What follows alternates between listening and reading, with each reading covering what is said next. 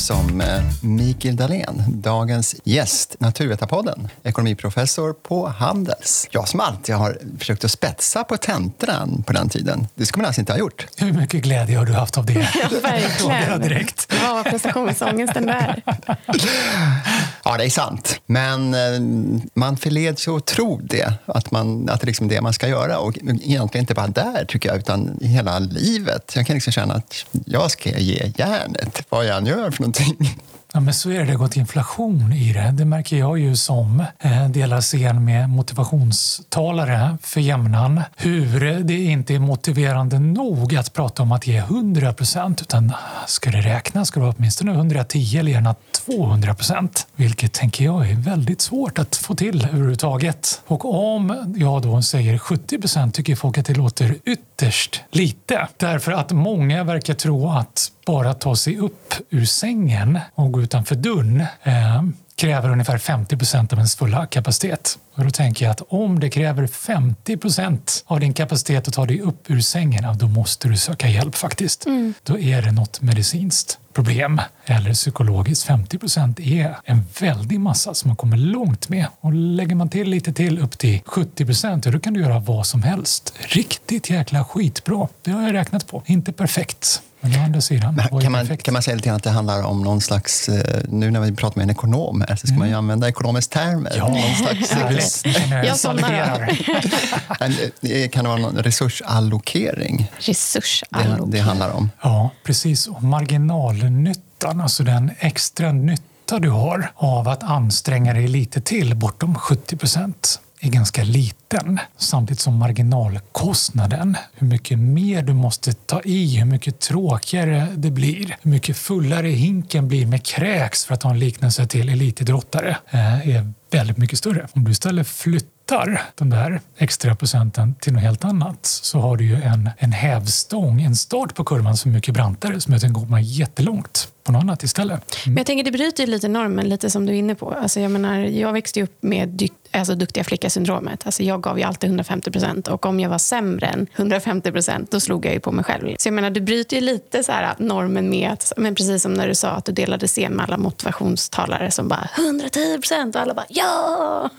Så att när du säger 70, jag tycker det är asskönt att höra. Men jag önskar att jag hade fått hört det för mm, 33 år sedan. Typ. Ja, då kanske du hade sluppit gå in i väggen, vilket du kanske inte har gjort. Men, men om jag satte mig i dina skor fick jag göra samma sak och jag gick in i väggen. Eller sprang full fart med pannan rätt in. Och många har gjort det. Och även om det gått så långt så är det många som har varit stressade och mått dåligt över att prestera och göra helt fantastiska bra saker som de upplevde ändå inte var bra nog därför att det inte var 100 procent. Därför att det säkert fanns någon som var ännu lite bättre, ansträngde sig ännu lite mera. Och det kommer vi bara upptäcka att det finns fler och fler som kan, inte minst med att vi blir mer och mer uppkopplade och helt plötsligt kan jämföra oss inte bara med dem som sitter i samma rum som vi, som är i samma stad som vi, utan som är i samma land, som är på samma planet planet. Då snackar vi ett mörkertal på, är det sju, är det åtta, är det nio miljarder människor? Inte fasen går det att bräcka alla dem. Nej, självklart inte. Och jag tänker, för att gå tillbaka, du sa att du sprang in med pannan före och gå in i väggen. Är det någonting, eller är det på något sätt drivkraften eller är det det som har fått dig att vilja eh, skriva dina böcker om hur man tar det 70 procent eller hittar lyckan? Ja, men där började det med 70 procenten när jag fick gå från 200 procent, mm. som inte var 200 procent, som inte ens var 100, men det var nästan 100, mm. eh, till noll, bokstavligt. Jag rensade allt i kalendern, vilket var jätteläskigt. Men nästan så här existentiellt. Finns jag överhuvudtaget? Mm, Sen försöker jag börja bygga upp tillvaron igen och då börja snubbla in på 100% tänket alldeles för snabbt rent ryggmärgsmässigt för att det har blivit mer eller mindre inprogrammerat och få backa igen. Och då började jag laborera och då hittade jag tryggheten som jag så ofta gör i siffror. För mig blir det konkret. Jag skulle ju kunna säga jobba lagom. Ansträng mm. dig lagom. Vad är lagom? Ja, precis. Det är jättesvårt att veta vad det är. Och för mig blir siffror konkret. Så du börjar räkna på det. Eh, både i eh, undervisning, eh, hur långa seminarier på min anstalt Handelsskolan kan vara för att folk fortfarande ska ta till sig det som händer, till att se närmare på idrottsprestationer och se just marginalnyttan när folk anstränger sig mera mot hur mycket det kostar. Och så började jag nästan så här konspirationsteoretiskt börja gång efter annan i alla möjliga sammanhang se en gemensam nämnare i 70 procent. Så det är liksom inte taget ur luften? Det trodde jag nästan att ja, ja, 70, vi drar till med 70. Men så är det Jag är skitdålig på det. Jag önskar att jag vore bättre på att ta saker ur luften. Jag har ju något sånt här tvångsmässigt behov av att gå, inte till botten, men åtminstone 70 procent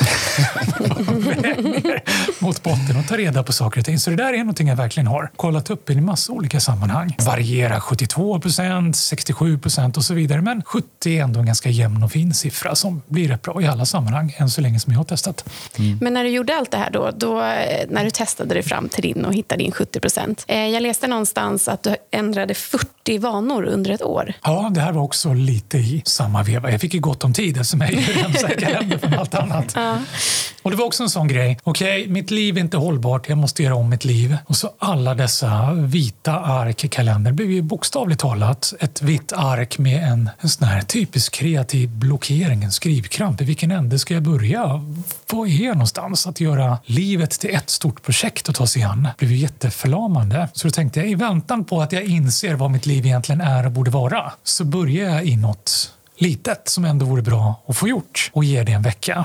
Och så när jag märkte att det den veckan faktiskt ledde till att jag mådde lite bättre så började jag tänka, ja men kanske skulle testa en vecka till. Och sen fortsatte det så. Jag hade faktiskt inte klart för mig, nu ska jag göra de här 40 sakerna på 40 veckor, utan det ena gav det andra. Och så tog jag det en vecka i taget. Och i slutet av de 40 veckorna så hade jag förändrats jättemycket i mitt liv som jag aldrig hade kommit på om jag hade tagit mig an det allt på samma gång. Liksom. Kan du ge ett konkret exempel på vad du ändrade? Mm, absolut. Eh, den första saken jag gjorde var att sluta springa. Oj, Palle, nu fick han panik. Palle springer överallt. Aj, aj, aj. aj. Det var det jag också gjorde.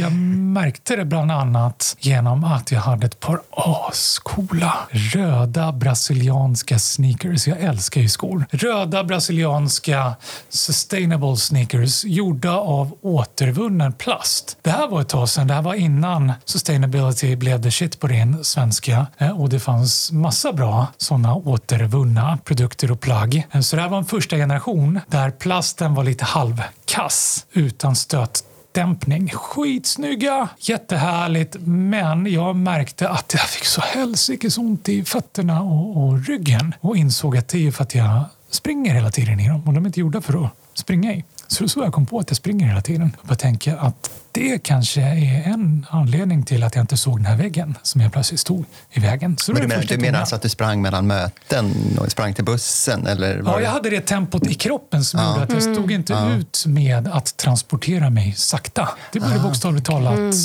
klia i hela kroppen. Så jag sprang mellan som precis extremt allting. hög stressnivå, mm. låter det som. Då. Precis så. Ja. Och eftersom jag har haft en sån tillvaro där jag eh, gör och jobbar med ganska många olika saker som jag bokstavligt talat gör på olika platser så blev det en väldig massa springande mellan dem. Och när jag bytte ut det springandet mot promenerande, att gå, så blev det också en jättestor skillnad. Det fick jag en väldig massa tillfällen att dra ner tempot i kroppen och med det knoppen också. Mm.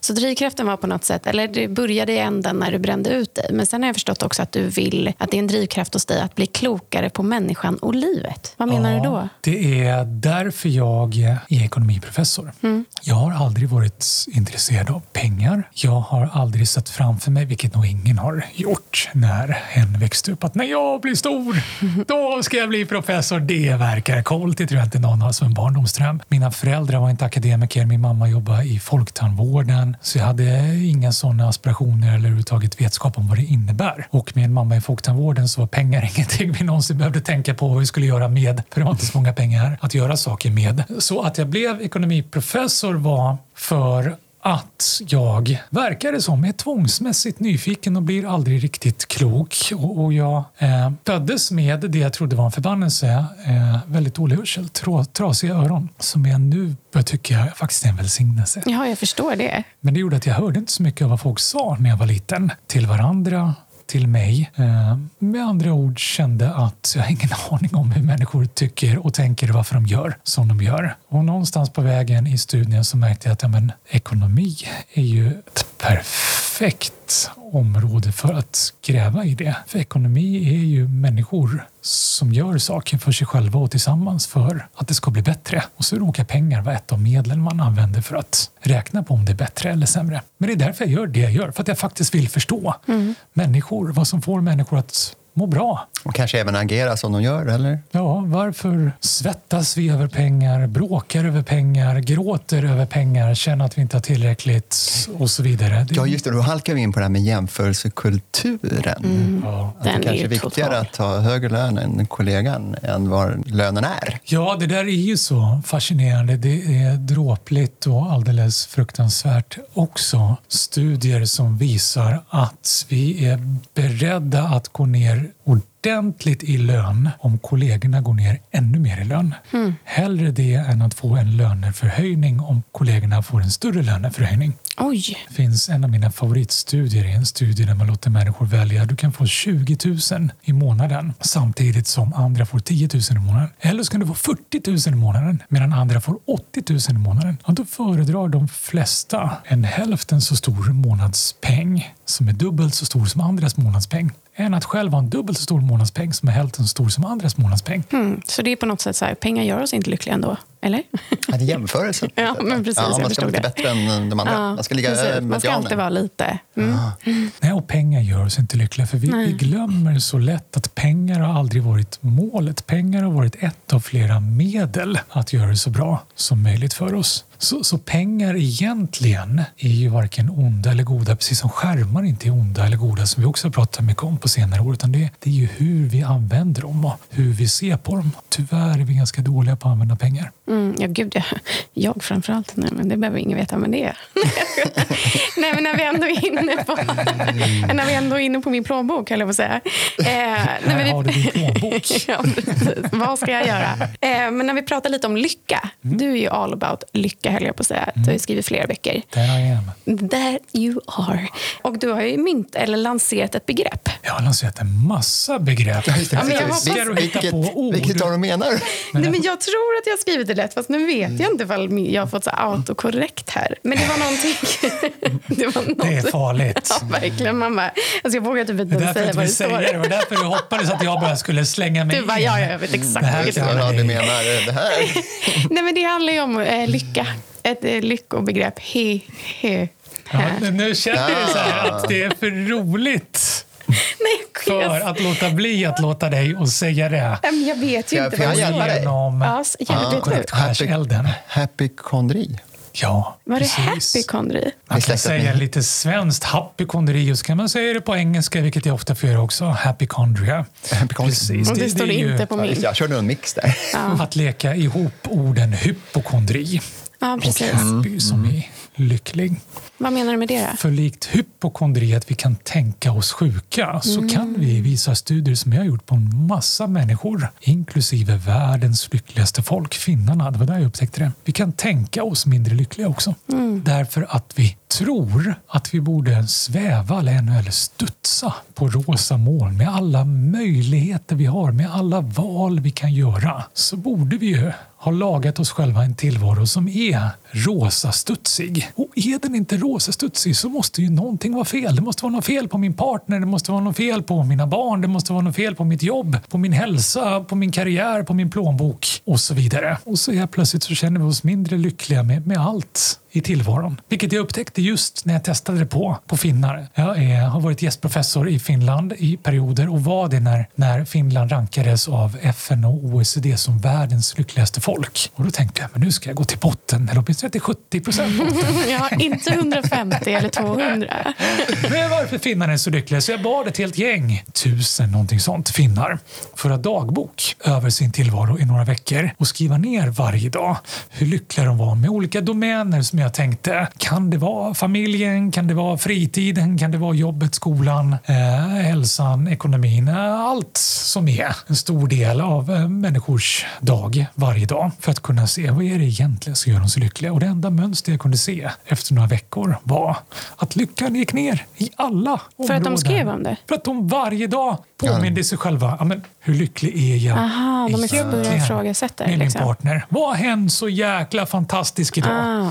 Hur lycklig är jag egentligen med mitt jobb? Okej. Svävade jag på rosa moln när jag gick hem för dagen? Och det gör vi ju inte varje dag med vår partner, våra jobb och så vidare. Och om vi då sätter det som en väldigt explicit måttstock, att jag ska sväva på rosa moln varje dag, då börjar vi ju tänka oss olyckliga och tänka att nej, någonting är fel, någonting är inte bra.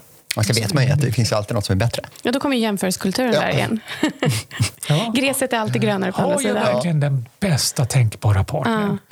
Är mina barn verkligen de bästa barn jag Mm. skulle kunna ha? De där grannbarnen, de verkar faktiskt lite roligare. De är lite tystare. Ursäkta, ursäkta barnen, men jag menar, de är ju, de, just de går ju inte att byta ut. De har man ju. Liksom. Även om jag alla jag är- vi tonårsföräldrar har tänkt tanken fler än en gång. Ja, Eller går de att sälja på Blocket? Det har jag. jag är mitt uppe i tonårsföräldraskapet nu. Så då har jag frågat många människor när jag har föreläst. Har vi några tonårsföräldrar här? Har ni någon gång tänkt tanken att det vore kul att få byta de här mot några andra? Har jag tänkt det någon gång. Ja, gud, det kan jag tänka mig. Men jag tänker så här, för då om vi pratar hypokondri, alltså man kan ju självklart tänka sig sjuk. Och då menar du att man kan tänka sig lycklig. Jag förstår att man kanske inte ska försöka tänka att man är så himla lycklig. Eller förstår du, när de började skriva ner så himla mycket så blir det att de då istället såg sin eh, vad ska man säga, vardag så himla konkret på något sätt. Ja, men det är att du tänker dig olycklig för du börjar känna efter Okej. Mm. och tänker, är jag riktigt lycklig nu? Testa det om du är i en relation. Fråga din partner, är vi riktigt lyckliga? Då är börjar du jag, oj, lycklig oj, oj, med det vågar jag inte. Eller hur? Visst inser man direkt nej, ska Ja, man inte nej. fråga sin partner. det- För då börjar man ju leta. Ja, Hur ska man göra istället? Man ska inte tänka på det överhuvudtaget. Man ska bara låta det vara. Fast man måste ju tänka på det. Man ska inte ta lyckan på så blodigt allvar. Då blir det svårt. Om det blir ett livsprojekt bland alla andra, då kommer den här väggen vi springer in i, då kommer alla krav. Då blir det nästan ett jobb. Och det ska inte vara ett jobb att gå omkring och vara lycklig. Det ska man ju bara vara. Fast det är ju så jäkla svårt också ibland, måste jag säga. Och jag har ju tänkt på det på en massa olika sätt. Hon skriver böcker om det, precis som du sa. Ett av de väldigt enkla sätten tycker jag är att lägga till stund efter lyckostund. Att ha små lyckostunder. Att unna dig, att omfamna, att go bananas. Men en kort liten stund, då blir det inte så jobbigt, inte så svårt. Det blir kravlöst. Att bli ja, jättelycklig när man får äta en liten godisbit. Som kanske Palle. Palle till. Ja, men Jo, verkligen. den, den lyckan den sitter i fortfarande, känner jag. Ja, han har ju fått kakor här innan. För det är också något vi är ganska dåliga på. Ja. Att unna oss att få tycka, att få känna att nu, nu mår jag bra i det där lilla. För vi tänker att men det är de stora målen vi ska ha Mm. i livet. Det är projekten vi ska ha. Och så börjar vi springa med de här 100-200 procenten igen. Inte kan du stanna upp och bara Vara barnsligt glad över en chokladbit eller över att du klarade den här tentan eller gjorde en armhävning extra. Nej, och det tror jag Mm. verkligen stämmer. Alltså att vi springer så himla mycket så att vi glömmer bort nuet. Och då är vi inte i stunden där vi faktiskt kan känna lycka. Utan då letar man lyckan där framme. Att så här, okej, men jag är lycka när, när jag har rosa moln och grisarna flyger. Typ. Eller hur? Ja, och då är vi tillbaka på det här med marginalnytta. Mm. Igen, att om du lägger alla godisbitar på hög och tänker att mitt projekt är att äta så många godisbitar jag kan i slutet av det här året. Då kommer du märka att första biten är jättegod, andra biten är jättegod, tredje biten är jättegod, men sen börjar det. Ja, men det är som när man kommer, ut, i- det är som när man kommer ut i Taxing slott där och äter deras kakbuffé. Då är liksom första, första kakan är ju kanon. Sen, sen efter det är man ju ganska nöjd. Mm. Eller hur? Ja. Men tar du en liten kakbit idag Ja. så är det jättehärligt och jättegott. Mm. Och sen imorgon tar du en liten kakbit igen så är det lika härligt och lika ut- gott i bästa fall också. lyckan. Precis, och där går ju ekonomiprofessorn i mig igång i att räkna på att de här riktigt stora lyckorna som vi jagar och planerar för hela livet, de får vi inte uppleva så väldigt ofta. Det är inte så många gånger vi blir med ny partner, med nytt jobb, upplever fantastiskt stora framgångar och allt vad det är. Men en liten kaka kan du äta varje dag i hela ditt liv. en liten extra Det känns kan du klara. väldigt lovvärt. Ja, men då har vi stunden. Då är Ja, du ja, lycklig väldigt ofta. Men då får du njuta då när du äter de där kakorna. Ja, men det gör jag verkligen. Ja. Ja. Och Det är också en sån grej, att, att, att unna dig men också att fira. Att faktiskt bara få upp ögonen ögonen för att det finns någonting att fira. För det är också lite jantigt Ja, egentligen. gud, jag är i Sverige. Att inte ska väl jag slå mig för bröstet, inte ska väl jag göra så stor affär av det här. Och så, och så missar vi att faktiskt glädjas åt de här fantastiska framgångarna, härliga sakerna vi upplever. Att bara se dem och kanske rent av dela dem. Apropå det här med skärmar och vad vi gör med dem. Att dela glädjen och inte tänka på det som en konkurrens oss emellan om vem som gör bäst. Utan dela med mig om min glädje av det här härliga. Var lite som ett barn, tänker jag. Ja. De är ju väldigt duktiga på att bara säga yes, jag hoppade. Eller yes, jag fick en kaka. De är ju verkligen nuet. Och så är det. Det finns det ju också studier på, eh, och jag har själv gjort sådana också, att barn är lyckligare än tonåringar som i sin tur är lyckligare än vuxna. Och minst lycklig är det när du är tonårsförälder.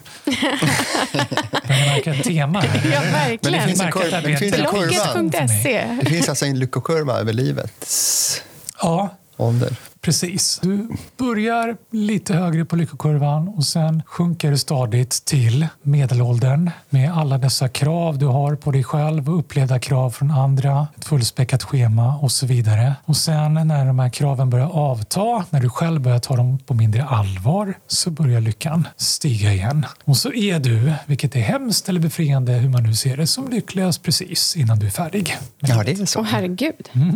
Ah, Okej. Ja, det var kul det Jag nu. väntar Se fram emot. Jag väntar, fortfarande, jag väntar fortfarande på vändningen. Nej, det gör jag faktiskt inte.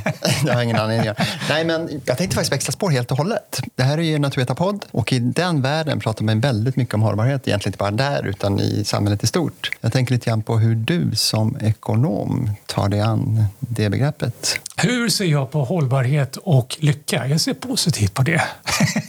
Strävan efter lycka och hållbarhet har eh, negativt samband. Inte helt överraskande. Det är Ungefär samma samband som ekonomisk tillväxt och hållbarhet. Strävan efter lycka leder lätt till att vi vill och gör mer, mer, mer. Därför att vi blandar samman intensitet. Om jag får en liten högre lön så kan jag göra ännu mer eller ännu bättre av det där. Med frekvens, som vi var lite inne på.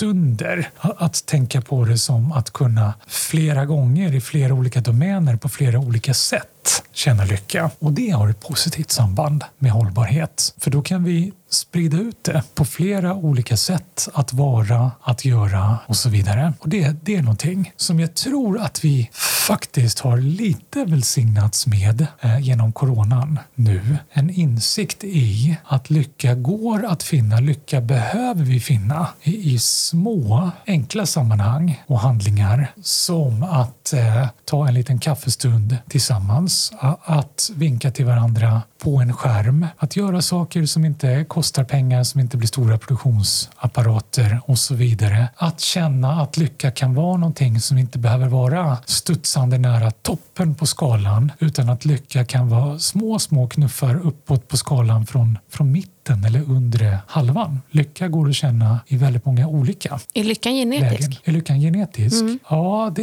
är den ju, vilket kan vara hemskt tycker vissa. Det tyckte mitt förlag när jag ville börja min bok om lycka med att skriva att lyckan får du av dina föräldrar. Eh, flytta den till sist, annars är det ingen som vill läsa boken. Folk deprimerade och slänger den, det är inget att göra. Jag kände tvärtom, att det kan vara något befriande. För mig har det varit befriande att inse att lyckan är genetisk, men inte till 100 procent, inte ens till 70. Utan det kommer tillbaka. Ja, verkligen. Lite beroende på hur man räknar, men allra högst 50. Snarare nere på 40 ungefär. Så 60 kan jag påverka själv. Ja. Det tycker jag är härligt. Det är ju jättemycket lycka kvar att påverka. Samtidigt som det är befriande att inte behöva gräma sig som jag själv har gjort. För min genetiska disposition är inte särskilt studsig. Jag studsar inte upp ur sängen på morgonen. Men jag har önskat det i alla år och tänkt att någonting gör jag fel. Jag har bytt madrass, jag har bytt mycket i tillvaron. Och det har inte hjälpt. Och när jag till slut eh, fick förståelse för hur mycket som faktiskt är genetiskt disponerat, som jag är född med, så kunde jag bara släppa det. Inte gräma mig över och leta fel i tillvaron. Utan istället tänka, okej, det är mitt utgångsläge. Vad kan jag nu göra idag utifrån det utgångsläget? Och då blev det mycket härligare och roligare. Ja, men då, då tänker jag att vi studsar vidare till tre antingen eller. Ja, Precis. Snabba. Eller tre snabba, va? Ja, vad som. Vi studsar i alla fall vidare. Blåbär. I skumtomtar. Fantastiskt god. Trappor. Jättebra vardagsmotion. Upp och ner, upp och ner, upp och ner. Det är det enda du behöver göra egentligen. Pension. Jag ska ju bli tusen år gammal så det känns väldigt abstrakt för min del. Då kör vi antingen eller då. Vinter eller sommar? Egentligen så, så tror jag inte på antingen eller utan både och. Men i det där fallet så skulle jag jättegärna slänga vintern all världens väg till förmån för sommar. Även fast skumtomtarna kommer ju under vintern. Det behöver de inte göra. Nej, nej, du de köper det i hela göra. lager. Skumtomtar smakar aldrig så gott som mitt i sommaren. Jag har till och med haft med mig ett stort lass med skumtomtar på midsommarfirande som vi satt hela sällskapet åt med kniv och gaffel. Det är flera år sedan. Det sällskapet pratar fortfarande om att vara den bästa midsommar de någonsin Men firat. gud, fler skumtomtar Mm. på midsommar känner jag. Att vara ekonomiskt oberoende och lite lycklig eller fattig och oerhört lycklig. Ja, men det är väl en no-brainer. Fattig och oerhört lycklig. Surt eller sött? Ja, men det här är verkligen en både och. Surt och sött. Så Sött och sött-surt. Snyggt! Ja, jag trodde ändå på vinter, men skumtomtarna kunde ju tydligen komma på midsommar också, så det gör ju ingenting. Hur ser då en ekonom på hållbarhet? Inte minst när det gäller klimatet. Vad kan man göra själv? Kan, man, kan det handla om styrmedel av olika slag? Ekonomiska styrmedel? Eller är det andra saker som ska in? Alltså normalt brukar jag ducka för frågor som lyder hur ser en ekonom på? Eh, därför att jag ju inte vågar påstå att jag ser likadant som de flesta ekonomer. Men i det här fallet så har det ju till och med tilldelats Nobelpris som inte får heta Nobelpris, ekonomipris, Nobels minne, till en miljöekonom så sent som för ett par år sedan. Så där är vi nog ganska överens ändå om att vi ser på hållbarhet och klimat som någonting oerhört viktigt och som någonting vi faktiskt kan verka för. Det går att räkna på och det tycker jag också är fantastiskt med coronan. För, för det delades ut eh, ekonomipris till en miljöekonom som satt upp ekvationer och hävstänger för hur den kan räkna på styrmedel som du säger. Det kan vara utsläppsavgifter, utsläppsrätt eh, Det kan eh, vara planering kort och lång sikt med, med eh, miljöskuld mot miljöintäkt och allt vad det heter. Men problemet med alla ekvationer är att de är beroende av ingångsvärden. Man måste ju ha något att sätta in i ekvationerna och så länge vi inte har tillräcklig variation i data, i siffrorna, så blir det inget vettigt av ekvationerna. Och det häftiga med coronan är att nu har vi ju faktiskt fått en större variation än någonsin. Vi har gått från 100 ner på 30 20, 10 i, i vissa domäner, industrier så långt ner som 2 procent i miljö och klimatpåverkan när industrier har stängts ner, transporter har stängts ner och så vidare. Och då har vi kunnat se vilken skillnad det gör, åtminstone på kort sikt, vilket också är häftigt. Det är ju jättehäftigt att se vilken omedelbar, snabb skillnad det kan göra om man ställer om industrier, transporter och så vidare. Så om vi nu lägger in de här siffrorna i ekvationerna eh, och modellerna som finns så kommer vi kunna göra jättehäftiga saker. Det här är ju till stor del på makronivå och på, på företagsnivå, vilket ju också är där de stora hävstängerna finns. Så det är jätteviktigt. Men självklart så kan vi ju se, vi kan kanske inte se effekterna av det, men vi kan alla var och en se att det gick, vilket många av oss inte trodde, att göra mindre avtryck på miljön genom att faktiskt inte förflytta oss kors och tvärs över stan, över landet, över planeten som vi trodde förut krävdes. Att vi inte måste mötas, transportera, konsumera och så vidare. Att vi faktiskt klarar oss ganska det visar- bra. Vi behövde skakas om lite. Det visar att en omställning är möjlig. Ja, för alla, jag tror det finns så knappt någon som inte tänkt att vi måste skärpa oss för planetens, klimatens, miljöns skull. Men det är ett stort projekt, det tar lång tid. Ja, vi sätter målet 2030. Eller nej, vi sätter 2040. Jag tyckte det var jättespännande att se att i slutet av februari, det här kan ni bättre än jag, eh, något organ som heter minns vad det heter i Tyskland kom fram till, nej tyvärr, årets eh, mål för eh, växthusgasutsläpp kommer vi inte klara sa man i februari. Slutet av mars konstaterar man att vi kommer klara det. Vi kommer till och med skjuta över målet i Nu ryser positiv jag. bemärkelse.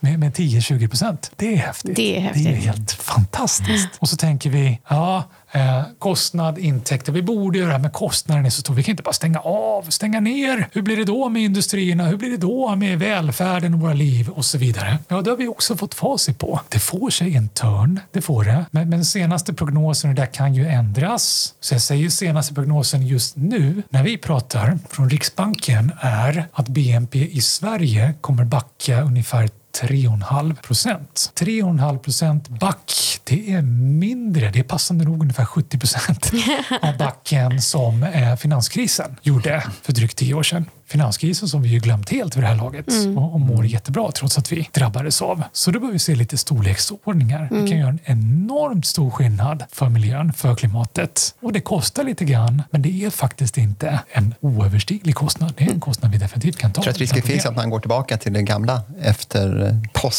post då är man ju helt... Ja, det finns ju den risken och det är det man oroar sig ja. för nu. Att det blir någonting vi måste jobba ikapp det där. Vi måste göra det ännu snabbare. Och det där vet vi inte hur det blir. Juryn är ju fortfarande ute där. Men det jag hoppas och tror är att många bör känna att den här tillvaron, att leva, är lite mindre stressig. Att den här lyckan jag har jagat måste jag inte jaga utan den lycka jag känner i andra delar av skalan är faktiskt riktigt bra och behagliga. Och det här sättet att jobba som inte är lika stressigt och effektivt. För det finns en paradox att vi har blivit, vi har blivit för effektiva. Det är en förklaring till att svensk ekonomi ändå drabbades så hårt. Med brasklappen att det nu egentligen inte var så hårt, tycker jag, i ett större perspektiv. Men ändå hårt att det var företag som gick i konken, det var människor som varslades eller förlorade sin anställning. En förklaring till det var ju att vi, vi har kommit i en sån effektivitetssökande apparat att vi inte haft några buffertar, vi inte haft någon slack, inte haft möjlighet att hantera när saker inte bara blir mer och mer och mer av samma. Vi behöver tänka mera i termer av effektiv ineffektivitet, det vill säga att vi faktiskt gör saker tillräckligt bra för att det ska fungera, men också har en buffert. Vi har ett utrymme för att kunna ställa om, att kunna ändra, att kunna hantera om saker händer. Det känns som ett ganska bra slutord, tycker jag. Förutom att eh,